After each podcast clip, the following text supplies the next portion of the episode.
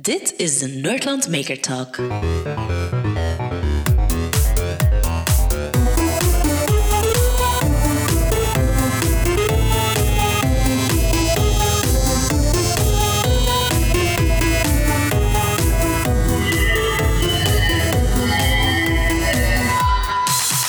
Deze podcast wordt mede mogelijk gemaakt door Azimute.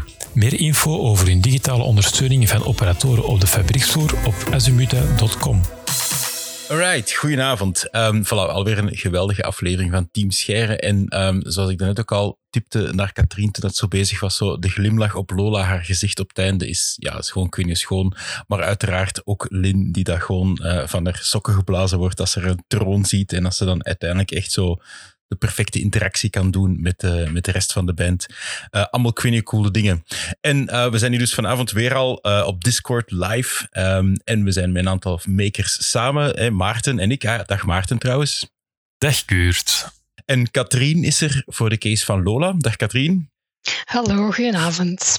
Voilà, maar we hebben nog iemand extra erbij, namelijk iemand die daarnaast heel de Microsoft-kant, die dat zo heel de interface en dergelijke gebouwd hebben, heel het project gemanaged hebben, is er ook um, Frederik bij komen zitten. Dag Frederik. Hallo allemaal. Ja, anders moet u een keer voorstellen, Frederik, en zeggen wat dat je, um, wat er, in het kort even, want we gaan daarna uh, daarop uh, ingaan natuurlijk, wat dat je juist gedaan hebt voor de case van Lola. Uh, ja, tuurlijk. Um, dus ja, Frederik en ik werk uh, voor uh, Chatlayer.ai. Dat is eigenlijk een product van Faction, een voicebot-platform. En uh, wij hebben ook spraakherkenning ontwikkeld voor onze chatbots die we nu in deze case hebben ingezet eigenlijk. Ja, voilà. Dus heel het, heel het vertalen van wat er gezegd wordt naar de tekst die dan op een scherm verschijnt, dat hebben jullie gedaan.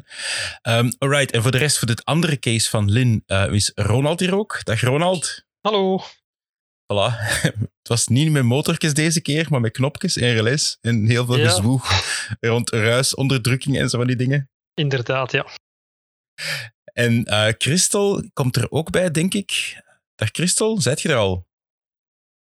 Nee, nog geen Christel. Maar ay, ze zijn onderweg. Normaal gezien ging er Christel en Roman er ook bij komen. Maar, uh, Hallo. Ja, ze zijn ah, er. Voilà, daar zijn ze. Dag Roman en Christel. Hallo. Voilà. Hallo, voilà. En dan inderdaad het, het, het, ik weet niet hoe coole, spectaculaire stoel dat jullie erbij gemaakt hebben, die dat, um, ja, dat volledig afmaakte. Hè?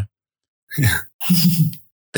Genievol, oké. Okay, Alright, maar um, we hebben dus twee cases te bespreken en we hebben ook nog iets extra vandaag, want uh, dankzij Microsoft en dankzij Katrien hebben we namelijk een aantal um, dingetjes om weg te geven. Katrien, anders moet ik er zeggen wat dat we juist hebben om weg te geven.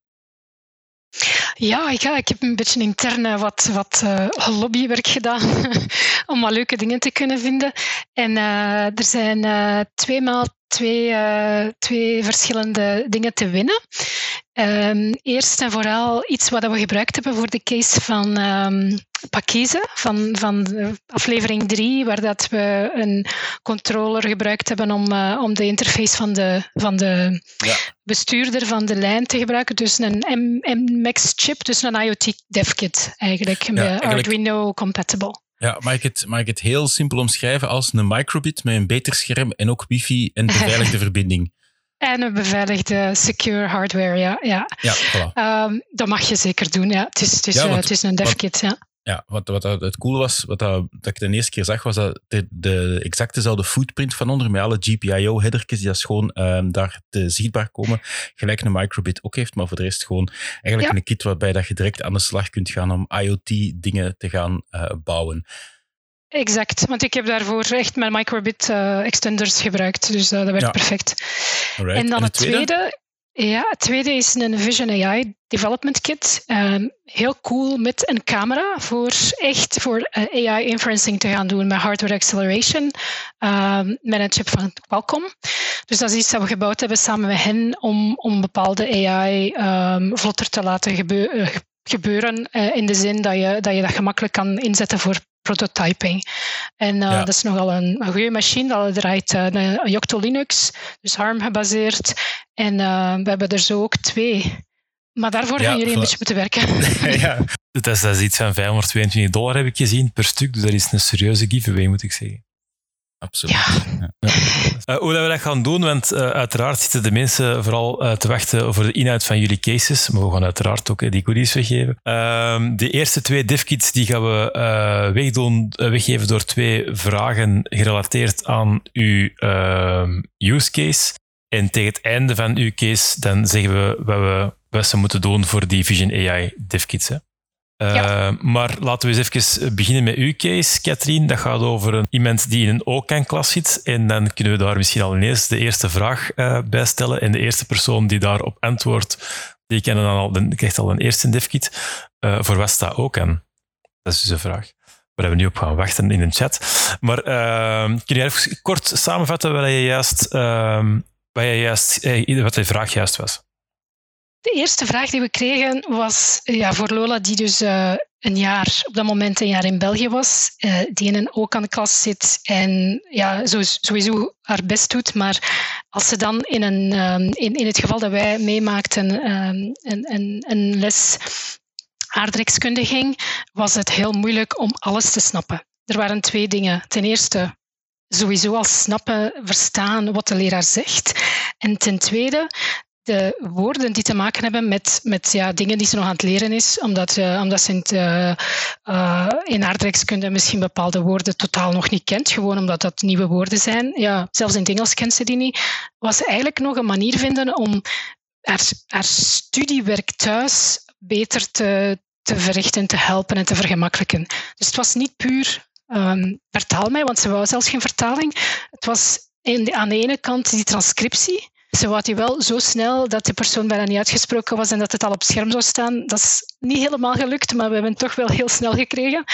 Maar uh, ten tweede was het wel heel belangrijk dat ze thuis niet allemaal moest gaan um, opnieuw beluisteren, want daar heb je niet s'avonds de tijd om dat allemaal te doen. Maar eigenlijk, hoe kunnen wij iets, iets ontwikkelen dat dat vereenvoudigt?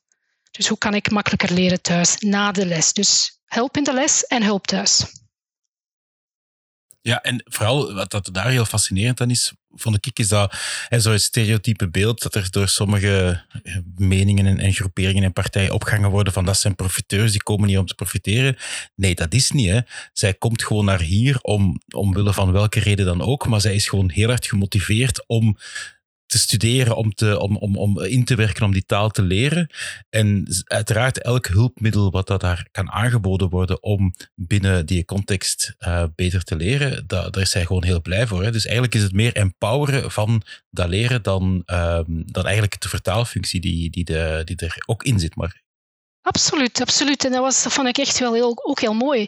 Dus zij was echt op zoek naar een manier om sneller en zo, zo snel mogelijk die, ja, mee te kunnen. En, en, en, en gewoon hier, ja, als je gekeken hebt naar de aflevering, ze zegt ook, ik wil dokter worden. Dus dat is niet mhm, zomaar, absoluut, ik ga een ja. beetje gaan, gaan leren en ik ga dan spelen. En, nee, nee, het is echt iemand die heel, heel veel uh, gaat doen om zover te geraken. En ze moet echt wel dubbel werken, omdat ze nieuwe leerstof krijgt en een nieuwe taal. Dus dat is echt wel... Ja, uh... je, ja, je zegt het ook letterlijk in de aflevering. Een les aardrijkskunde voor haar is en een les aardrijkskunde en een les Nederlands tegelijkertijd. Hè? Ja, dat is het. Dat is het. En dus wat kunnen wij doen, al, al zijn het kleine dingen, want wij kunnen niet alles vereenvoudigen. Uh, wat kunnen wij daar doen met technologie om dat toch een stukje makkelijker te maken? Dat was een beetje de, ja. de insteek van, uh, van de opdracht. Ja, voilà. en dan zit je, dan, dan zit je gaan brainstormen en dan kom je redelijk snel op die piste om iets te gaan doen met wat dat de leerkracht zegt, om dat, op, een, om dat op een manier te gaan capteren, zodat dat Lola dat op haar eigen tempo kan verwerken en genoeg ondersteunt. En dan kom je heel snel tot iets wat dat, um, die tekst eigenlijk snapt en die context snapt en wat dat ze binnen de AI dan NLP ehm, noemen. En dan kom je bij uh, experts terecht Um, en op die manier uh, is Frederik erbij gekomen, hè? Exact, exact. Dus wij, ik heb via, via mijn collega uh, Evelien was toen bezig met, uh, met Chatlayer of Faction. Um, en, uh, en die hebben dan die introductie gedaan en dan zijn we gaan samenzitten. En, en ik denk, Frederik kan er zelf nu wat verder uh, uitleg over geven. Maar ik denk dat ze ook uh, zeer, zeer geïnteresseerd waren om mee te werken. Wat, ja, want dan ga ik direct naar Frederik introduceren. Want waarom denk je dat, dat Faction en, en Chatlayer, waarom dat zij de meerwaarde zijn? Want ik bedoel, Google heeft dat ook. En, en je merkt dat bijvoorbeeld in Nederland gebeuren er ook heel wat inspanningen om bijvoorbeeld dat Nederlands te gaan interpreteren en in tekst om te zetten. Maar wat dat we al direct, wat jij ook al direct op gebod zet, is dat Vlaams en Nederlands, dat is voor een computer een andere taal. En uh, Frederik en Chatlayer en Faction bij uitbreidingen, en Frederik moet dan maar direct uitleggen wat dat allemaal het verschil tussen die twee is, die zijn wel gespecialiseerd in dat Vlaams-Nederlands. Hè, Frederik? Ja, dat klopt. Uh, we waren dus eigenlijk zelf bezig met van oké, we willen goede chatbots of voicebots maken. En toen zagen we eigenlijk van, ja, als we gewoon een eh, spraakherkenner van Google nemen, die voor Nederlands Nederland, Nederlands van Nederland is gemaakt, dan is hij niet in staat om eigenlijk die Vlaamse tongval of die Vlaamse dialecten te begrijpen.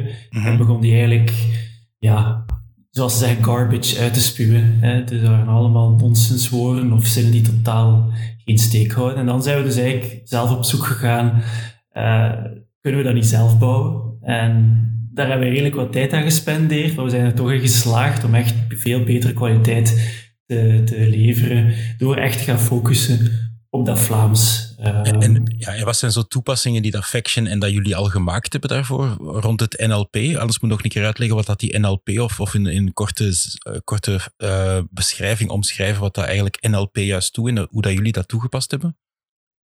Uh, ja, dus, dus NLP of Natural Language Processing is typisch de term die gebruikt wordt voor alles dan met taal, maar meer, nog meer specifiek is NLP echt nog gaat over meer tekst begrijpen en speech wordt soms onder die NLP gezet, maar ook soms apart gezien. En speech is dan meer, hoe kunnen we een audio uh, signaal omzetten in tekst? Er zit daar zeker een NLP-component in. En dat is dan heel specifiek van, ja, eens dat we weten in de audio wat een klank is, hoe kunnen we dan die klanken samenvoegen uh, tot woorden en woorden die passen in een zin? En dat is heel sterk die NLP-component het begrijpen hoe dat taal eigenlijk gestructureerd is. Ja, want om de vergelijking te leggen, als, als je bijvoorbeeld als, als Vlaming of zo een andere taal hoort dat je niet kent, moet er maar een keer op letten. Je weet niet waar een woord stopt, bijvoorbeeld. Je hoort klanken en je hoort een hele race van klanken achter elkaar. Maar ja, als je dat in geschreven tekst wilt omzetten, dan moet je wel weten van oké, dit, dit is een woord, spatie, dit is een volgend woord. En dan hebben we het toch niet eens over punten en kommas. Nee, nee, dat, dat klopt. En zo'n model, als we dat bouwen, gaan we zowel eigenlijk... Eigenlijk bestaat zo'n spraakherkenningsmodel uit twee grote componenten. Enerzijds het akoestische model, het mm anderzijds het language model of taalmodel.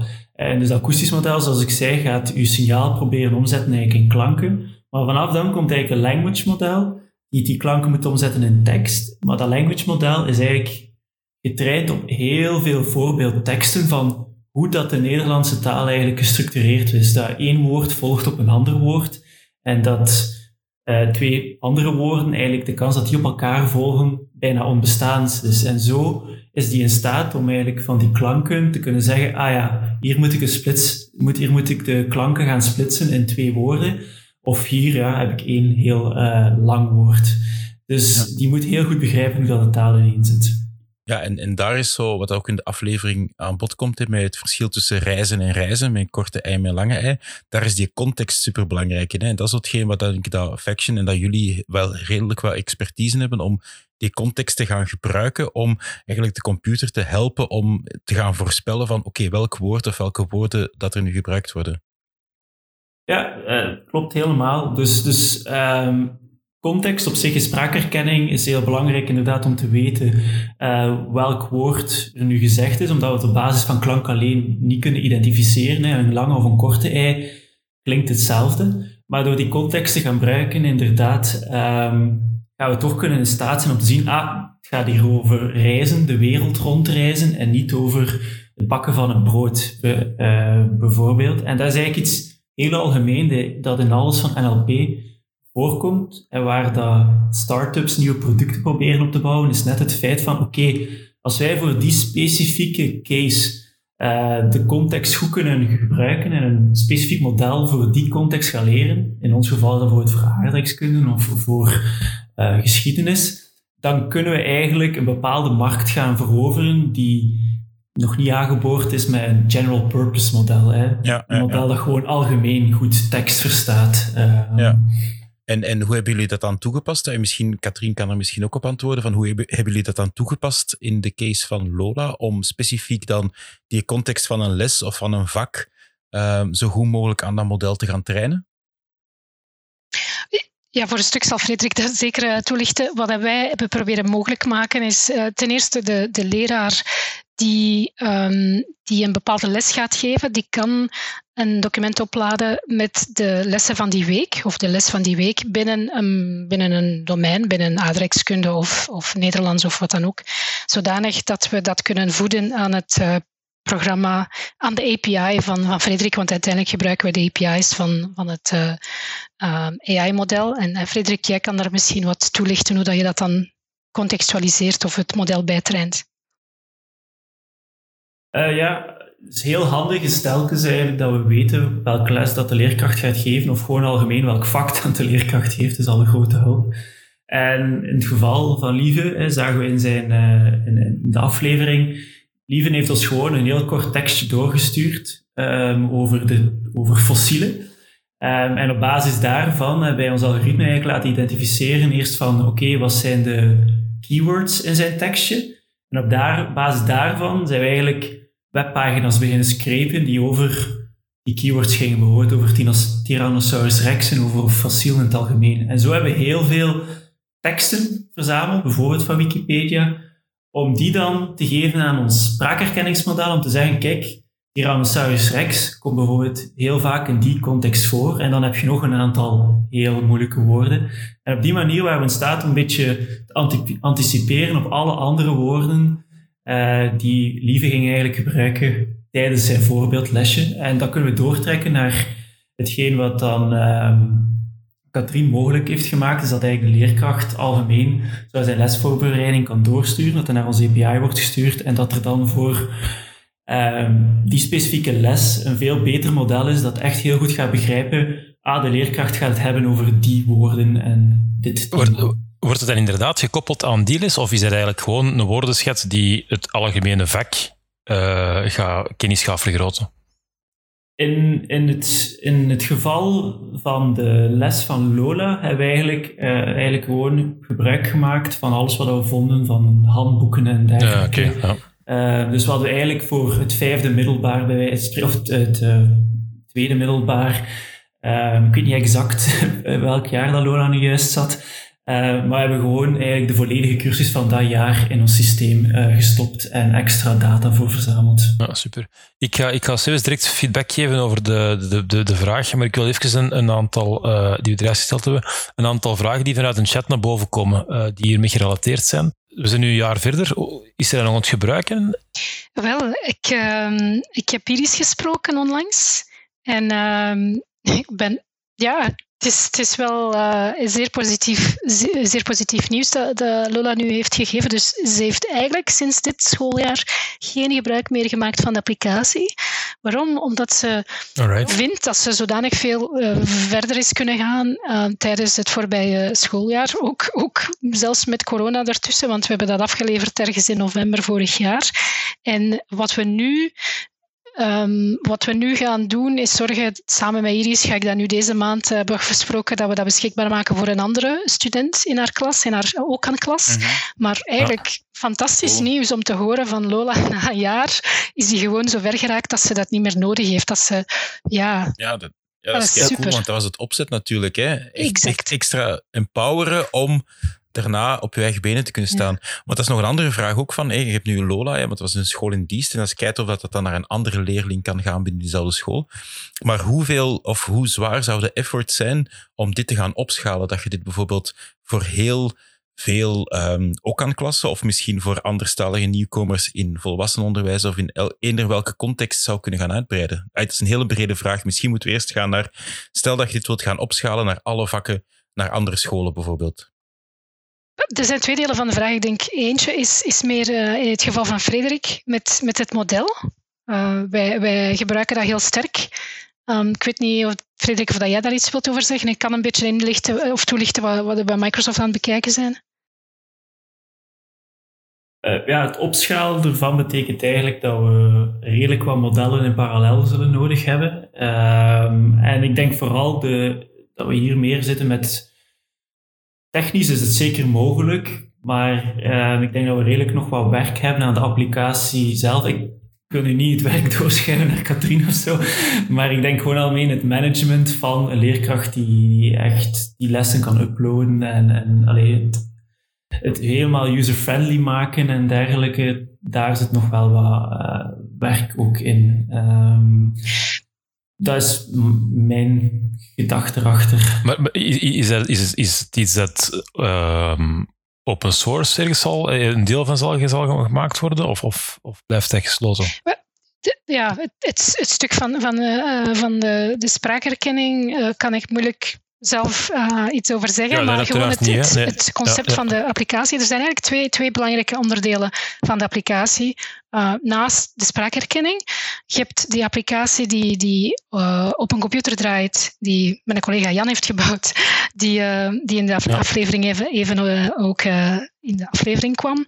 Die heeft dat voornamelijk daarop gefocust. Dat is eigenlijk een applicatie die offline draait, maar als, de persoon, als er geen probleem is met connectiviteit, nu in scholen is dat nu dan wel het geval, daarom dat we dat voorzien hadden, um, gaat hij alle, alle les opnemen van de leraar.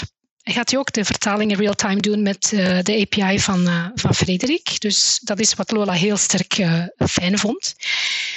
dat stukje ja Goh, wij hebben dat bekeken, wij kunnen dat open source doen, maar je, je, kunt daar heel weinig mee doen zonder de rest van, van, de, van het platform te hebben. Dus we, we zijn een klein beetje afhankelijk van andere elementen.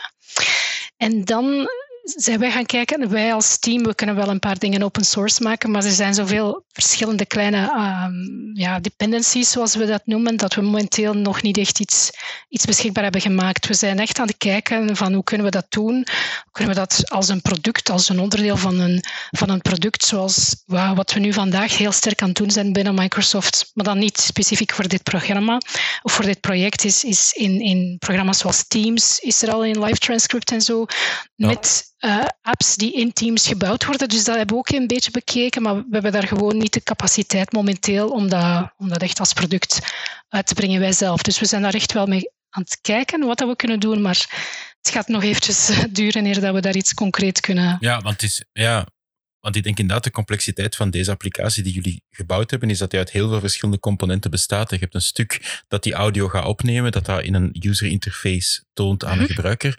En je hebt dan een stuk dat met dan de chat layer functionaliteit daar eigenlijk de interpretatie zoekt, context zoekt en eigenlijk neerschrijft van wat er effectief gezegd wordt. Ja, ja. en dat gebeurt uh, voor een stuk online. Dat gebeurt als, ze, als, als de les bezig is. En daar kan ze dan ook nog aangeven, dat zijn moeilijke momenten. En dat is misschien niet zo duidelijk geweest in de aflevering, maar dat was een heel belangrijk punt voor haar, omdat dat iets extra gaat mee, eigenlijk een soort markeren binnen de les aan. Dat puntje is moeilijk, dit puntje is mhm. moeilijk. Dan komt ze thuis hebben wij in de achtergrond, dat is nog een, een deel van de backend van de applicatie, gaan wij de transcriptie nog eens doen offline.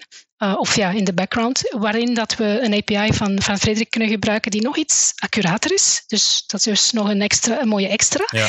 En dan gaan we dat volledig gaan opslaan in een, een, een secure uh, SharePoint, die, waar het enkel zij toegang heeft, en, of de leraren en, en, uh, en zij toegang hebben. En dan kan ze dat nog allemaal bekijken met een andere applicatie, die, die dan echt gemaakt is van replay, ja. playback en annotaties en zo gaan doen. Ja. Ja, dus eigenlijk heb je de applicatie draait een stuk lokaal en doet eigenlijk een eerste soort guess van oké, ik krijg deze informatie binnen auditief. Het zal deze tekst wel zijn, maar als hem online kan gaan, dan kan hem nog betere algoritmes gaan aanspreken en op die manier eigenlijk uh, nog betere transcriptie doen van wat het hem gehoord heeft. Klopt het zo? Ja, ik denk, Frederik, kan jij mij verbeteren als het verkeerd is, maar ik dacht dat de, de, de tweede versie, dus die, die in één groter stuk een soort batch processing gaat doen, die iets accurater is. Ja, inderdaad. Ik denk, de termen online en offline worden hier een beetje door elkaar gebruikt. Maar dus als er internet is, kunnen we in real-time transcripties doen. Maar mhm. real-time betekent ook dat we nog minder weten op het moment dat we in real-time aan het transcriberen zijn. Dus gaan we fouten maken. Het alternatief is, wat dat Katrien zegt, is oké, we hebben bijvoorbeeld geen internetconnectie. Dan gaan we toch nog eigenlijk sowieso de opname opnemen. Eigenlijk ook, zelfs al is er internetconnectie, doet er niet toe. Maar dan kunnen we die achteraf uploaden. En dan krijgt eigenlijk ons systeem volledige bestand en kan het nog iets accurater gaan redeneren van Uh, ah ja, ik weet niet enkel welke woorden ervoor kwamen, want dat is het geval in real-time. Maar offline, hè, als we het uploaden, weten we ook alles wat erna is gekomen. Dus dan kunnen we nog iets accurater zijn in onze voorspelling of onze transcriptie. Ja, dat, dat kan die een app op een gegeven moment denken, ah, het is betonstoppen dat hem bedoelt. En dan tuk, tuk, tuk, al die rare dingen ineens. Ah ja, het is betonstop, ja. betonstop overal gaan aanpassen bijvoorbeeld. Ja, dan kan je gewoon naar voren en naar achter kijken eigenlijk. Dat is het grote verschil. Ja, inderdaad. Maar dus om dat, om dat te gaan upscalen, dan zit er natuurlijk wel met, met stevig wat infrastructuur die dat je moet gaan voorzien, ook denk ik vooral. Hè, als je die online transcriptie allemaal ja, moet gaan... Ja, dat klopt. Ik denk dat dat ook een van de grote problemen is, dat als we dat uitrollen bij vooral de scholen in België, ja, daar staat allee, ook een serieuze kost Ja, ja dus dat is een cloud eh, hosting uh, voilà, dat je gaat moeten doen. En, en allee, daar zijn wij gewoon samen niet echt als... als als Microsoft zou dat kunnen zeggen, ja, die kunnen dat, we kunnen dat wel gaan doen, maar dan moet dat voor, eh, door een echt product uh, lifecycle uh, lopen. Puur open source gaan aanbieden. Er zijn een beetje te veel componenten, maar we, we, we, zijn er echt wel aan het kijken wat we zouden kunnen doen, al, al is het kleine stukken daarvan toch beschikbaar maken, absoluut. Ja, maar het is waar, het is zoals ook een aantal mensen in de chat ook zeggen. Deze case is nu voor anderstaligen die daar een probleem hebben met Nederlands. Maar bijvoorbeeld voor kinderen die doof zijn of een, een hoorprobleem hebben. Of kinderen die daar moeite hebben om, ik weet het niet, tekst om te zetten in, in, in, in samenvattingen en zo'n dingen. Er is, er is een veel breder draagvlak of een veel bredere toepassing dan alleen deze eerste ene Zeker. case. En het feit van wat het team Scheren is, is dat ja, we maken een prototype en we bewijzen dat het werkt. En vooral ook het feit dat je nu, wat je er net zei, dat Lola heeft het nu een jaar gebruikt en ze voelt zich sterk genoeg en hup, en ze heeft die wipplank kunnen pakken en ze is vertrokken. En de volgende kan het gebruiken. Ik denk dat je daar wel een aantal argumenten hebt om inderdaad naar een overheid of zo misschien te gaan en zeggen van, hé hey mannetjes, financiert dit is alstublieft. Absoluut. denk ik dan. Ja, ik denk dat het veel, veel kinderen kan helpen en, en, en in, in bepaalde leerproblemen um, op je eigen tempo kunnen herhalen, uh, kijken naar de onderdelen die, die moeilijk zijn. Absoluut, ja. Ik, ik hoop echt dat we daar ja, via een of andere uh, instantie of, uh, of dat we op een of andere manier toch, toch een, een, stap kunnen nemen, dat we dat veel breder beschikbaar maken. En, en allee, wij hebben een bepaalde programma's gebruikt die dan dit allemaal hosten. Veel scholen hebben dat al, dus het, het, is een kwestie van de juiste dingen samen te leggen en daar meer professioneel product van te maken. Ja.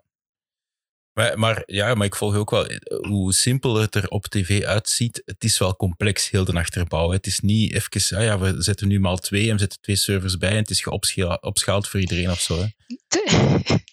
Ja, voilà, maar ik bedoel, sommige dingen kunnen, kunnen zijn API's die we kunnen gaan, gaan hosten, maar uh, het zijn verschillende componenten. We, we, willen dat ook per school.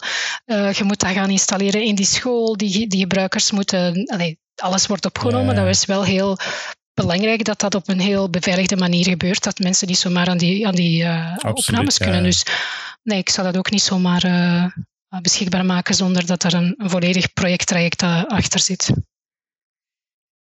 absoluut.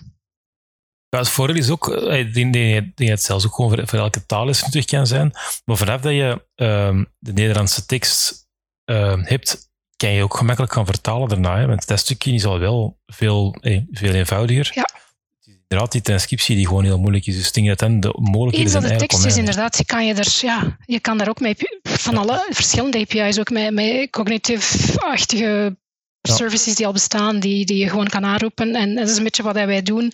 In, in het finale stuk genereren we uiteindelijk een Word-document zelfs, waar ze kan notas nemen, waar dat ze zelf kan selecteren en, en andere tools gebruiken die bestaan binnen, binnen plugins en zo. Dus ja, het is wel uh, zo breed mogelijk. Dat vond ik ook een van de mooiste dingen. Ik was ook aanwezig bij de finale opnames toen dat we de applicatie Alona toonden. En voor haar ze vond speech recognition, dat er tekst uit kwam, vond ze, dat vond ze zeker leuk. Maar toen dat ze zag wat ze er allemaal mee kon doen, die vertalingen, die synoniemen, dan, dan was ze echt helemaal van de kaart. En dat, vond ik echt, allez, vind ik echt wel chapeau, dat we zo, zo eenvoudige tools eigenlijk, een vertaling van een woord, dat Lola daar eigenlijk ja, super, super gelukkig van uh, werd. Uh, ja, ja. Maar toch, allez, het, het, is waar, ik was er ook helemaal... Uh, op dat moment. Het, heeft mij heel sterk aangegrepen. Het, daar, daarvoor doen we het, voor dit soort reacties. Dat was echt super, super fijn. Ja. Absoluut, ja. En dat is, dat is schoon om te zien. Hè. Dat is gewoon echt geweldig cool Ja. werk. Van, eh, ja, van Microsoft en van eh, Faction of Chatlayer, of hoe ik het ook moet noemen.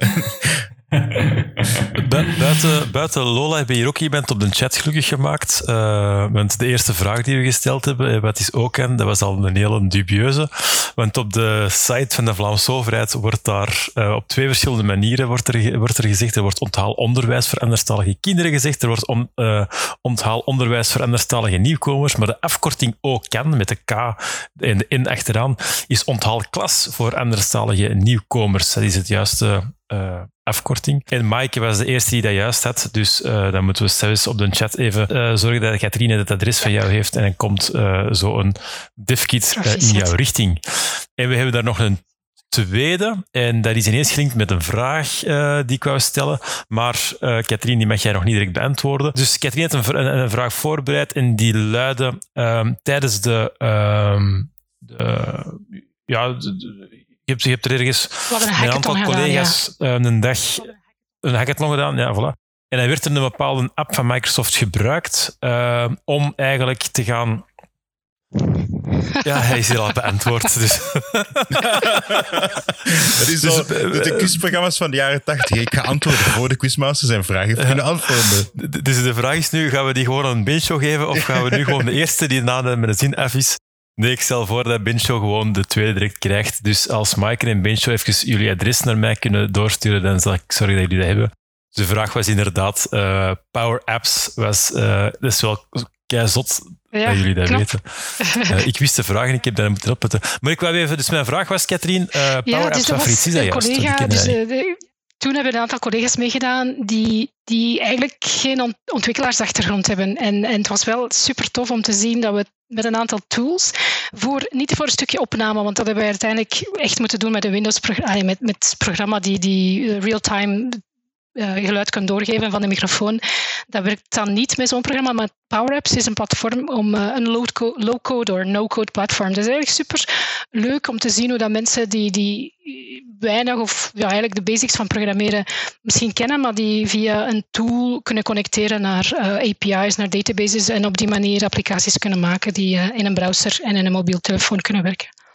Dus dat is, een platform bij Microsoft eh, die we daarvoor gebruikt hebben. Ja, en Tim, Tim Ja, ehm, mijn collega Tim Verbrugge, was dat toen mee bezig samen met een aantal andere collega's. En die is, daar- die is daar super snel mee. dus eh, die heeft dat in twee dagen in elkaar gestoken. Ja, wel, dat is super om zo inderdaad op een snelle manier Ja. te kunnen gewoon prototypen, uiteraard. Dan gaan we even, Sebes, gaan we naar de andere use case. Maar voordat we dat doen, uh, Katrien, gaan we eh, vooral u veel werk geven. ehm, maar ook de mensen hier op de chat. Dus de twee andere zaken, namelijk de Vision... Wat was de juiste benaming Vision weer? AI Kit. Vision AI Kit, inderdaad. Die kunnen jullie, dus- zijn er, ga, ga er ook twee van weggeven? Jij, gaat- jij gaat er twee van weggeven. Maar daar moeten de mensen wel eerst even uitleggen wat ze ermee gaan doen. Dus ehm, de mensen die eh, zo'n Vision AI Kit willen, die moeten toch wel even in twee regels even ehm, zeggen waar, waarom dat ze die per se willen winnen. En die kunnen hier op de chat eh, gooien. Katrien gaat dat in doog houden en eh, tegen het einde van de podcast zal zij er twee uitkiezen waarmee ze het meest gecharmeerd is. Ehm, of dat je dat echt gaat doen, dan moet je dat maar later ergens via Twitter en zo of Instagram laten bewijzen dat je dat ook gedaan hebt, uiteraard. Hè. Ik heb wel begrepen, Katrien, dat die iets later pas verstuurd Ja, kon dus die worden. twee AI-kits die kan ik pas ja, ergens na COVID-lockdown in, in eh, Duitsland. Mijn collega's hebben, die zitten in Duitsland in, eh, op kantoor en we kunnen daar niet binnen. Dus dat gaat wel eventjes duren. Ja. Die zitten in quarantaine. Die zitten in quarantaine, of wat? Nee, we kunnen daar niet binnen. Ja. dus. Dus die komen zeker, maar iets later. Alright, goed. Goed, dus, dus jullie weten wat we doen en dan gaan wij nog even naar de tweede case. Hè? Ja, dus Ronald en ook Christel. En ehm, ja, niet alleen Christel ook, hè, ook Roman zit er ook bij. Ehm voilà. Dus naast Lola, die daar nu keert eh, een opstart gekregen heeft om verder het Nederlands onder de knie te krijgen en zo, is er ook Lin, die daar een beetje, ehm, ja, die daar iets minder geluk heeft, namelijk een, een degeneratieve, degeneratieve spierziekte heeft, in een band speelt en toch uh, op de band aanwezig wilt zijn um, en kunnen gitaar spelen. En dan komen we bij Ronald terecht en die heeft daar een coole oplossing voor gevonden. Tenminste, zeker op het moment dat hij de brom uit zijn pedalen gekregen had. Want dat was het grootste probleem, denk ik, hè, Ronald? Ja, uh, Kurt, ik ben normaal gezien altijd met motortjes bezig. En dan maakt een brom, dan maakt een brom niet uit, dan hoor je die brom graag. Maar nu was het even lastig, want ja, dat was niet de bedoeling dat er een brom was. En dat was, ja... Moet ik het zeggen? Het, het leek opgelost te zijn, want het was eerst bij mij geweest met een kleine versterker. En met die kleine versterker, dan hoorde je dat niet. Mhm. En dan de laatste keer dat ze bij mij was, had ze haar een grote versterker bij. Eerst de kleine getest, alles in orde, vangen die grote daaraan en in één keer hoort je echt een, echt een storende brom. Maar zo inderdaad, dus zo grond dat dubbel geschakeld wordt, dat is voor elke audiomens een groot probleem. Vandaar dat ze zo bijvoorbeeld DI-box, heb je daar niet aan gedacht, bijvoorbeeld om een DI-box er bijvoorbeeld tussen te steken? Ja, er waren, moet ik zeggen, mm, moet ik zeggen oplossingen die je grotendeels kon kopen. Maar ja, het idee van het programma is dat we proberen een oplossing te zoeken die eigenlijk een, een fictie is dat de meeste makers zelf zouden kunnen. En dat ook ja, qua kostprijs interessant is. Dus ik wou zelf een oplossing zoeken. En ja, ik ben geen audiomens. Ik heb ondertussen heel veel bijgeleerd. Dat is ook, dat is ook belangrijk. Nee, dat is waar, ja. Soms met de nodige frustratie weliswaar, maar ondertussen weet ik wat ik moet doen. Nu, de oplossing die ik uiteindelijk heb, is, is ja, belachelijk goedkoop. Hè. Dat gaat effectief over relebordjes ja. van AliExpress van, ik weet niet, 6 of 7 euro. Ja. En dan... mits, die, mits die juiste schakeling doen die effectief wat ze moeten doen. Dus want wat was dan het probleem? Want je hebt inderdaad die relaisbordjes die op zich al um, schakelen, maar tussen de aansturing van de relais zelf zit al die optokoppler, wat dat eigenlijk al via, dat werkt via eh, ledlichtjes waarschijnlijk, die eigenlijk op die manier een schakeling maakt, waardoor dat je een, echt een galvanische scheiding krijgt. Dus dat je echt twee circuits hebt die van elkaar gescheiden zijn. Hetzelfde principe dat in een DI-box zit. Dus dat is dan toch wel gek dat er dan toch nog altijd brom op zit. Het probleem is dat je alles moet afschermen. En dat bordje zit eigenlijk uh, de vermogenkant, en dus de kant die voor de, de optokopper zit, en het stuk erna zit in datzelfde doosje. Ja. En dat is voldoende als je het signaal voldoende versterkt nadien, om toch die bromtoon te horen. Ja, want krijg je dan eigenlijk gewoon de trilling, ay, zo de, de elektromagnetische trilling dan van de ene kabel die dat via de behuizing overgaat naar het andere circuit dan? Is dat dan wat je krijgt? Ik weet niet dat het trilling is. Ik denk dat eerder het soort effect is van een, de ene kant speelt antenne voor te zenden en de andere ja. is ontvanger. Ja. En, en hoe hebben we dat uiteindelijk opgelost? Of hebben we dan, is dan puur dan die circuits kijken van ah ja, daar de aarding doorknippen en klaar opgelost? Of niet? Um, een van de dingen was de voldoende afscherming maken. Het andere was, ik had eigenlijk een, een domme fout gemaakt. Ik had uh, mijn ground op twee manieren naar het externe bakje gebracht. Dus ik had eigenlijk mijn doosje en daar hingen vier van die pedalen aan. En elk van die pedalen heeft dus een input en een output. Wat ja. allebei een draadje is met een afscherming aan. En ik had de twee draden de ground verbonden. En dan heb je eigenlijk een lus. Dus van mijn bakje naar het eerste bakje en van het eerste bakje terug naar mijn bakje. Ja. En die ground ging rond. En dat is natuurlijk een, een ja, een fout die ik niet had mogen maken. Maar mag je toch gemaakt hebt. Maar dat is niet erg, fouten maken ik, maar, die, maar die ik nooit meer ga maken. Ik heb voilà, tijd kijk, genoeg geleerd eruit. ja, je leert daarmee bij. Als je daar lang genoeg op sukkelt, dan weet je van oké, dit ga ik nooit meer doen. Maar is dat dan vergelijkbaar met, bijvoorbeeld ik had hier onlangs van de week, ik had zo twee monitorboxen geïnstalleerd hier, en die alle twee schoon met zo'n eurokabel, dus ook met aarding in hetzelfde stopcontact gestoken. En um, vanaf dat ik ze alle twee aan, als ik er één aan zette, was het geen probleem. Als ik een tweede aanzette, dan kreeg ik ineens een gigantische brom. En wat ik dan gedaan heb, is in een van die twee eurokabels gewoon de aardingspin doorgeknipt, alle twee erin gestoken en nu gaan die zonder brom. Is dat hetzelfde probleem? Dan had ik ook een aardingslus gemaakt op dat moment. Dat lijkt me hetzelfde probleem te kunnen zijn, ja. Ja. Okay, en hoe dus... groter dat je die lus maakt, hoe meer storing dat die opvangt. En de, de storing die overal aanwezig is, is de 50 hertz van ons net. Ja, de, de, typische bromtoon dat wij horen. Oké. Okay. Alright. Goed. En dan uh, is er ook... Uh, je hebt dan die pedalen. Je hebt dan nog zo aan die plaatjes ervoor, zodat je dat Linder heel goed tegen kon shotten en zo. Maar dan komt er nog een stoel bij ook, want het grote probleem bij die stoel, of de grote vraag waarom dat die stoel er moest zijn, is omdat ze hoger moest kunnen zitten en omdat ze ook wel, ja, ze wou een beetje cool eruit zien. Hè. Laat het ons eerlijk zijn, dat is uh, absoluut terecht. En daar komt dan Christel en ja, Roman ook wel met zijn uh, geweldig talent naar boven. Um, ja, vertel een keer, want het gaat zo heel snel in de aflevering, wat dat er allemaal in zit in die stoel van uh, ontwikkeling en zo. Want je hebt, langs de ene kant heb je dat paneel waar je ziet en je hebt dan die lichtjes, maar ook die stelling erachter en het feit dat dat dan kon, ja, een requirement was dat dat moest gedemonteerd kunnen worden en zo. Wat zat er allemaal in die stoel van, van technologie? Uh, ja, dus dat is inderdaad iets wat niet zo veel aan bod komt. Hè, dus die, we hebben eigenlijk ook heel lang gezocht naar hoe we dat makkelijk transporteerbaar konden maken. Dus alles was op te delen in, uh, in stukken. En we hebben eigenlijk dus een, een, een constructie gemaakt van stijgerbuizen. En dus die kun je zo op maat zelfs kopen. En dan heb je daar allemaal koppelingen tussen. En daar hebben we een constructie mee gemaakt die eigenlijk alles zou dragen. En ongezien. En, ja. ja. en dus daar... Uh, ja, we, we, horen nu, Roman, we horen nu. Ja. en uh, dus daar, die ruggensteun, dus dat volledig stuk um, met die LEDs, die LED-strips ook in. Uh, dus dat is sheet metal, gelasercut, en dan zitten daar wat polystyreenvellen tussen voor reflectie. Uh, mm-hmm. Daarop zit dan nog dus al die LED-strips, dat heb je wel kunnen zien. En dan zitten er eigenlijk allemaal 3D-printe stukken die eigenlijk de contour gaan maken van die lichtbox, of de contour volgen van die cut. En daar um, eigenlijk met kolombouten worden, of afstandsbouten worden die vastgezet en wordt de, extra, de voorste plaat er eigenlijk tegenop gezet. Um, en dan de 3D-printe ornamenten van bovenop, die worden met magneten vastgezet. Dus die kunnen makkelijk eraf gehaald worden om het vervoer dan ook niet beschadigd worden. En dan um, van achter worden dus de twee gitaren ook overgeschoven met um, standaard stukken voor die stijgerbuizen. Ja. Um, en ja, de box van uh, Ronald beneden had eigenlijk nog een grote holte waar dat we dan eerst... Het was een beetje een, een gok, want we hoopten dus die, dat volledige backpanel, die hele ruggensteun daarin te kunnen schuiven.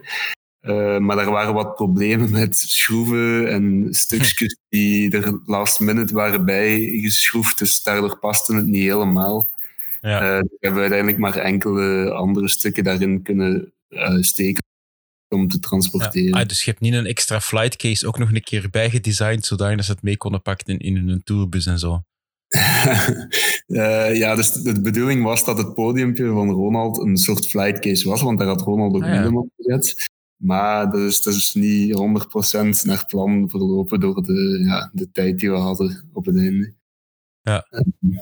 Een vraagje op de chat is: uh, de, de, gitaar die je daar uh, verwerkt in de stoel, zijn dat echte gitaren of zijn dat replica's? Ja, dat zijn, dat zijn uh, echte gitaren van een, een bouwkit. Mm -hmm. ja, op Toman, denk ik, zijn ze van die vrij goedkope bouwkits. Ja. Uh, wat eigenlijk inhoudt dat je gewoon een gitaar assembleert. uh, ja. Het waren wel, wel twee specifieke ja. lievelingsgitaren van Lean. We zijn echt wel naar op zoek gegaan waar dat we die, die, dan, die modellen konden vinden. En eerst wisten we dat zelf ook niet. We hmm. dachten dan echt met tweedehands gitaren te werken. Maar dat was dan niet evident om een model te vinden. En dan hadden we naar een aantal luthiers gebeld. En die zeiden van, kijk, online kan je eigenlijk gewoon assemblagepakketten vinden. En, en zo hebben we dan die gitaren aangekocht. Maar dan is er natuurlijk nog werk geweest om die juist af te zagen, hè, zodat die perfect zouden passen. Ja, ja. Dus, ja, dus jij hebt nu eigenlijk gewoon twee, twee halve gitaarkits thuis nog liggen? Uh, ja, die liggen denk ik niet meer bij me thuis, maar die zijn ergens uh, in de kachel beland of zo. Maar het zijn alleen zo, de onder... maar zo kleine stukjes van de onderkant waar niks meer mee te doen was. Ja, maar het had misschien Want... erger geweest dat we eh, bestaande gitaar die dan ja. helemaal al werkte, was ook wat pijnlijk om die dan... Op... Terwijl nu is, is dat echt gewoon, ja, op zich zijn die gitaren, die werken. Hè. We hebben die zelfs gestemd, dus die zouden aangesloten kunnen worden. Echt? Alright. Alleen ja, dat nog een, een cool extra gimmick kunnen zijn, zodat ze ja. niet zo naar boven worden. Dat was ook wel een beetje met pijn, uh, pijn in het hart om die gitaren ja. te zagen. Maar, maar ze hebben ja. natuurlijk wel een mooier leven nu, hè? Sorry? Ze hebben natuurlijk wel een mooier leven nu, hè? Zo, ja, ze ja, ja, wel maar ja, de, de, vraag van gebruikt het nu, gebruikt Lin het nu nog, is natuurlijk een, een rare vraag natuurlijk, want ja, er zijn geen optredens niet meer rond deze tijd. Maar... Ja, ze hebben ons laatst wel gestuurd dat ze... er ten volste naar uitkijkt om het zo snel mogelijk weer te kunnen gebruiken. En ze heeft het nu ook opstaan in haar uh, repetitiekot. Ja. En, ze gebruikt het effectief om te repeteren nu. Ook de, de pedaal heeft, heeft ze gewoon nodig. Dus, ja, ja. Ja. want, want Ronald, wat dat, wat dat ook wel zo naar het einde van de opnames ook wel pijnlijk duidelijk werd, is dat ja, het degeneratieve van haar spierziekte, het stopt niet precies. Hè? Nee, inderdaad. Het, het gaat altijd verminderen en verminderen. En hopelijk kan ze hier nog ja, een tijd mee verder. En, en hopelijk ook snel een eerste concert geven. Maar ja, daar is dan corona even tussen gekomen. Dat is inderdaad wel heel kak, want dat had ook net een, een cd uit, waar dat ze mee aan het toeren waren en zo. Inderdaad. Ja, en ze hoopten nog, ja, dat is stom om te zeggen, maar ze hoopten nog die cd wel mee te kunnen toeren. Ja. Zeg, eh, Ronald, en hoeveel uh, vragen al gekregen om die andere stoelen te, te maken, of pedaalcombinaties? Voorlopig nog niks, maar de aflevering is, uh, ja, is... nog geen uurtje gedaan. Je hebt je mail nog niet gecheckt. ik zal even kijken. Nee, voorlopig niet. Zeg, de, bij, de, bij de pedalen, uh, je, je, hebt die relais en je hebt eigenlijk die effecten, maar eigenlijk kunnen die los van elkaar gekoppeld worden, neem ik aan. Dus alle combinaties zijn mogelijk, hè? Alle combinaties zijn mogelijk, inderdaad. Dus, uh, nu, het was op een bepaald moment een idee van, laten we daar gewoon een Arduino tussen steken, doen, dat ze kan programmeren, dat ze kan zeggen van, deze pedaal dient voor die twee bakjes, wat dat soms ook interessant zou zijn. Nu, ik heb even met haar aan het praten geweest en op een bepaald moment was het zo, oké, dit, is, dit is geen oplossing. Ik was eigenlijk aan het kijken om welke interface dat zij handig zou vinden om te gebruiken. En het kwam er eigenlijk op neer dat er geen interface handig was. Zij wou gewoon kabeltjes insteken.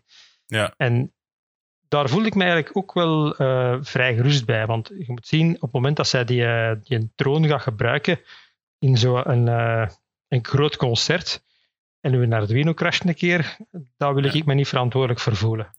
Dus, nee, dat, ja, dat is waar. Dat is zo het coole van die oplossing, inderdaad, Ronald, is dat puur eigenlijk ja, een fysieke schakeling is dat je doet. Eigenlijk alsof dat je... Nee, niet alsof, eigenlijk letterlijk. Je hebt de, de, het signaal dat ofwel door de effectenpaneel gaat, ofwel niet erdoor. Daar, daar komt het op neer, hè. En het is ook puur elektrisch. Dus effectief, je hebt gewoon een schakelaar en je stuurt een relais aan. En die ene relais overbrugt dat die een bakje. Ja, en dus alles staat los van elkaar. En in principe, ja, je zou kunnen denken, mijn voeding kan uitvallen. Ja, uiteindelijk heb ik dan de voeding gebruikt van haar bakjes. Ze doen dat eigenlijk, ja. ja. als die voeding uitvalt, dan werkt er ook niks meer. Maar dan moet ik mij allee, iets geruster voelen als ze gaat optreden, ik zal het zo zeggen. En, en heb je ook een vraag gekregen om in, uh, want je hebt uh, binnen gitaarpedalen heb je natuurlijk aan-off on-off pedalen, maar je hebt bijvoorbeeld een wah-wah-pedaal of een volumepedaal. Heb je daar ook een vraag voor gekregen om iets met potentiometers of zoiets te doen, dat ze dat kan bedienen? Ja, maar Kurt, heb je niet goed gekeken? Daar zit een volumepedaal in, hè? Ja, ja, ja. Maar hoe heb je dat dan gedaan? Dat is de vraag. Uh, dat, is eigenlijk, dat, is eigenlijk, gewoon een standaard volumepedaal. Die wou ze niet kunnen afzetten of opzetten. Die moest gewoon als volumepedaal dienen. Nu, daar was ook weer het probleem. Een gewone voetpedaal voor het volume te regelen, gaat eigenlijk met je voet op en neer te bewegen. En dat kan ze niet. dus hij kan enkel haar voet draaien. Dus ik heb gewoon die voetpedaal 90 graden gedraaid. En daar dan terug een, uh, een stuk op gezet waar ze voet kon inzetten. Dus is, dat, eigenlijk... is dat hetzelfde principe dat je van pluim ook toegepast hebt?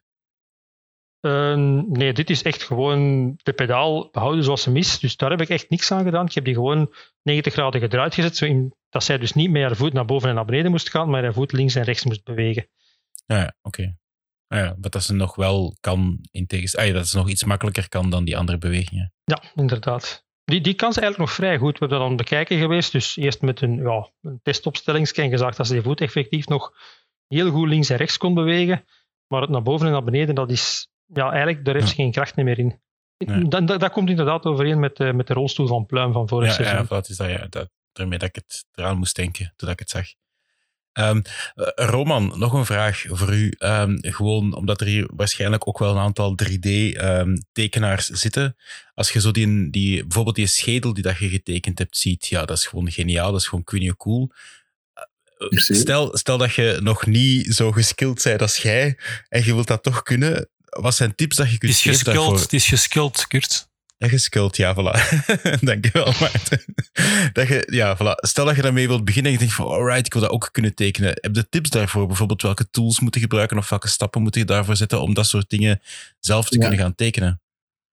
Um, ja, allee, dus die schedel zelf, ik heb die in uh, Blender uh, getekend. En mhm. dat is, free, allee, dat is gratis, hè, dus dat kun je gratis downloaden. En daar zijn tegenwoordig ook heel veel tutorials rond te vinden. Ehm, en dat is ook super sterk ontwikkeld de laatste twee jaar in, ja, rendering en, en uh, sculpteren en zo. Dus uh, daar is wel heel veel rond te vinden. En um, ja, het is eigenlijk het gewoon doen, denk ik, om het te leren. Dus gewoon uh, beginnen met simpele dingen, wat boxmodeling en dan zo verder gaan. Nee, maar ik denk dat als je dat zo bekijkt, het resultaat, en spijtig genoeg hebben we dat zo uw proces, uw boetseerproces, niet zoveel in beeld kunnen brengen. Maar ik denk zo net zoals iemand die aan het tekenen is en zo dat je van schets tot uiteindelijk het finaal ontwerp. Ik denk dat dat heel interessant is als, als, als iemand een keer, of dat je een keer je scherm zou opnemen en dat versneld afspelen of zo van hoe dat jij start van een schets op papier tot dan uiteindelijk dat 3D-model dat dan uiteindelijk ja, er gigantisch cool uitziet van wat zijn de stapjes. Zou je dat zien zitten? Ik zou dat wel eens kunnen doen, ja, met iets. Uh, bij bijvoorbeeld de volledige stoel, daar heb ik... Allee, dus we hebben dat ook op vrij korte tijd gedaan. En daar heb ik mij eigenlijk gefocust puur op een 2D-vooraanzicht, omdat ik wist, we gaan mhm. veel met plaatmateriaal werken. Ja, ja, ja. Dan kon ik eigenlijk heel eenvoudig die, die schets tracen en, en direct omzetten naar uh, alleen SolidWorks dan, uh, omzetten naar, naar de allee, lasercutstukken en dergelijke. En um, ja, dus dan die schedel zelf was dan een beetje op het moment uh, wel wat, ja, op het moment wat creatief zijn met van hoe gaat dat nu Want ja, ik had er wel een zone voor voorzien, maar hoe het exact ging uitzien, ja, ik had inspiratie van die sugar skulls. Ja. skulls. En um, dus het was zo wat um, ja, experimenteren op het moment zelf, maar dat was ook wel het spannende, hè? Omdat we zo, ja, we hadden ook niet zoveel tijd. Dus op het moment dat die stukken dan op een printer rolden, dan moest die mm. ook nog eens gefinished worden op een juiste manier in de juiste kleur. En dat ah, was toen in productie bij onze uh, rushen om dan die stukken nog... Het was, het was allez, een first time ride. We hadden maar één shot eigenlijk om het deftig te doen, om op tijd klaar te zijn. Dus al bij al waren we wel heel dus dat, tevreden. dat volledige bovenornament had ik denk ik... Uh, op zes tot acht uur getekend. En dan de dag nadien eigenlijk alles klaargemaakt. Uh, allee, technisch ook, hè, want het moest fitten op die specifieke plaats. En die stukjes moesten verlijmd worden, er moesten magneten in komen. Dus daar heb ik dan ook nog eens, een, nog eens zo lang of een halve dag ook nog aan gezeten. Ja, want wat is een normale job, Roman? Dan tekent je eigenlijk meer functionele dingen, denk ik, hè? Hmm. Uh, het is heel afhankelijk van de opdracht eigenlijk. Ja, uh, ja? Roman tekent, allee, wij, hebben, wij werken vrij verschillende innovatieprojecten, maar we hebben ook heel wat, zo, waar het esthetiek heel belangrijk is. Een heel, een hele eyewear bijvoorbeeld is Roman nu toch in dat wereldje van brillen ben aan, ja, toch een heel bekende designer ja, geworden. Absoluut, ja, maar ik, ik zeg niet, absoluut, daar moet je zeker creatief in zijn, maar een bril moet functioneel, moet, moet passen op een neus, mag geen pijn doen aan bepaalde stukken. Dat bedoel ik met meer functioneel, hè? niet? Ja, ja, maar bijvoorbeeld, ik bedoelde gewoon omdat in dit project zie je ook, ja, maar we merken dat ook wel dat, dat allez, binnen het engineering team, dat je mensen hebt die heel sterk zijn om, om mechanische en functionele stukken te hmm. tekenen. Maar om echt mhm. naar esthetiek te gaan, zeker met 3D-print. We hebben ooit projecten gedaan met, met de automotive bedrijven voor interior car parts. Dus echt ah, fancy stukken voor, voor in, in luxueuze auto's. En daar had je dan designers die in 2D fantastische dingen tekenden, maar als die hun eigen designs dan tot leven zagen komen in 3D, door waar Robin dan allemaal had getekend, dan waren die wel heel impressed. En daar, dat zijn toch echt wel nog, nog andere skills, als ik dat zo mag zeggen. Om, uh... gezien dat je met die vormvrijheid zit met 3D-printen, ja, ja, ja. snel naar zo ja, freeform modeling ook, wat, wat niet zo evident is in andere technologieën. En daardoor ja, dat is natuurlijk een beetje een andere skillset dan. Uh... Ja, absoluut. En dan zit er ook wel met het feit dat je dan, ja, de luxe, maar dat is misschien verkeerd uitgedrukt, maar dat je dan wel zo niet gebonden zit aan, aan een PLA-printer, waarbij dat je eigenlijk altijd moet nadenken als je designt, oké, shit, hoe ga ik dat printen? Maar dat je mhm. wel zo met, met sintering kunt gaan werken, waardoor dat je, geen, dat je eigenlijk alles op alles kunt bouwen. Hè? Ja, maar dus dan heb je bijvoorbeeld, allee, bij metaalprinten zitten we dan weer met datzelfde probleem. Dus daar heb je wel supportstructuur. Mm en, en ja, daar moet je dan ook creatief mee omgaan om het allee, esthetisch het goedkoop te maken, want het is allemaal handwerk en metaal met de hand gaan afwerken. Dat is natuurlijk, uh, duurt lang en is kostelijk. Ja. En uh, dus daarmee moet je zien dat het esthetisch en technisch uh, haalbaar is eigenlijk. Ja. Alright. Super. Nog, nog één vraagje. De, de, is dat een design ergens? Is die eerst online te, te, te vinden? Of? Je bedoelt van een bepaalde stukken van heel de troon? Of? Ja, van stukken of zo. Waar dat mensen zeggen van ik wil daar een deel ook zelf van maken of zo. Of, of, of is dat niet de bedoeling? Voorlopig niet, denk ik. Nee. En uh, Ronald, de elektronica deel? Uh, daar heb ik een hele mooie tekening van gemaakt die in beeld gekomen is. Er is eigenlijk niet, er is eigenlijk niet veel meer aan. Ja, is, dat is documentatie. achteraf gezien is het, ja, is het heel simpel geworden, maar dat hou ik van, dat soort oplossingen. En staat ja. ergens op de website of zo, of de Facebookgroep van, van, uw, uh, van uw schuur ergens of zo? Van de techniekschuur? Voor, voorlopig niet. ik kan het er wel op zijn als je dat graag hebt, ja. Ja, ik denk dat mensen af en toe wel eens willen gaan kijken. Dat is, dat is uh, om even inspiratie op te doen. Hè. Ja. Uh, ondertussen heb ik een berichtje gekregen van Katrien die uh, vertelde dat ze gecharmeerd was door twee voorstellen. dus ik stel voor, Katrien, dat je even zegt welke dat zijn en dan gaan die mensen een gat in de lucht springen te dat we ze niet kunnen zien of horen. Ja, ja. het, was, het was wat zoeken naar... maar het zijn er twee die, die er voor mij sowieso uitspringen. De eerste is, de, is de leerlingen uit de derde graad, die het monitoring doen van tools in een operatietafel. Dus dat vond ik zeer belangrijk om daar menselijke fouten te minimaliseren en zien wat ze kunnen doen met die vision. met de camera, met AI. Dus dat is nummer één. En nummer twee is dan voor Tom. En die, die twijfelt een beetje aan, aan uh, de connectiviteit naar Azure en wat moet dat allemaal doorgegeven worden. Dus uh, wat mij daar enorm in charmeert is Coder Dojo en, de kinderen.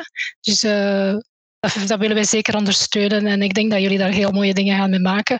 En sowieso niet vergeten, het, het is niet de bedoeling van uw privacy data naar Azure te sturen. Het is juist de bedoeling met die Vision AI Kit om dat allemaal lokaal te draaien. Dus uh, ik denk dat jullie daar mooie dingen gaan kunnen mee maken. Dus Tom uh, met Coder Dojo en Thierry met uh, de operatietafel. Alright, top. Voilà. Voilà. en dan het gaat wel even duren. Later. En wel, voilà. ja. ik, ik, ga de adressen nog vragen aan die mensen. en dan geef ik die wel aan jou door. En dan verwachten we uiteraard wel ergens op de sociale media dat ze daar eens laten zien wat ze ermee gedaan hebben. Hè. Heel graag, met, ja. Met, een link, met, met de link naar, naar, naar Katrien, uiteraard. Ja, graag. Kurt, als er geen vragen meer zijn waar mensen absoluut willen stellen aan de makers die er vandaag zijn, dan vrees ik dat we eigenlijk min of meer moeten afsluiten met de allerlaatste nabespreking van Team Scheire. Uh, na, een aflevering, er komt, uh, na een aflevering, er komt er nog wel een speciale volgende week. Maar het is met spijt in het hart dat we nou zes keer moeten zeggen. Het is gedaan. Ja, maar het is wel uh, met uh, stevige schoonheid. Uh, ik vind dat, dat nog altijd... Ik heb het al een paar keer mooi, gezegd. Ja. En dat is ook de reden waarom dat ik zo hard... Dat ik dat telefoontje krijg van wil dit programma meemaken, dat ik direct ja gezegd heb, is... Het is gewoon technologie en wetenschap to the rescue. En dat is niet als, als stomme boetade gezegd of zo, maar het is gewoon schoon om te zien hoe dat er zoveel geniale mensen zijn die dan makergewijs dingen en oplossingen kunnen bedenken voor iedereen. En dan gewoon dat je ziet hoe dat mensen daar hun leven schoner en mooier en bij uitbreiding zelfs nog meer mensen daardoor um, ja, geholpen worden in, in kleine functionele, minder functionele, whatever toestanden. En dat vind ik gewoon heel schoon aan Team Scheire. Dus een hele diepe dankjewel aan alle makers. Katrien, Ronald, Christol, Roman, ook Frederik, ook alle anderen die dat er um, vandaag niet bij zijn. En Maarten ook uiteraard, die uh, eraan aan meegeholpen hebben. En dat is, dat is, dat is geweldig. Dat is, dat is wat dat technologie en wetenschap moet zijn. Daarvoor is dat er eigenlijk, denk ik.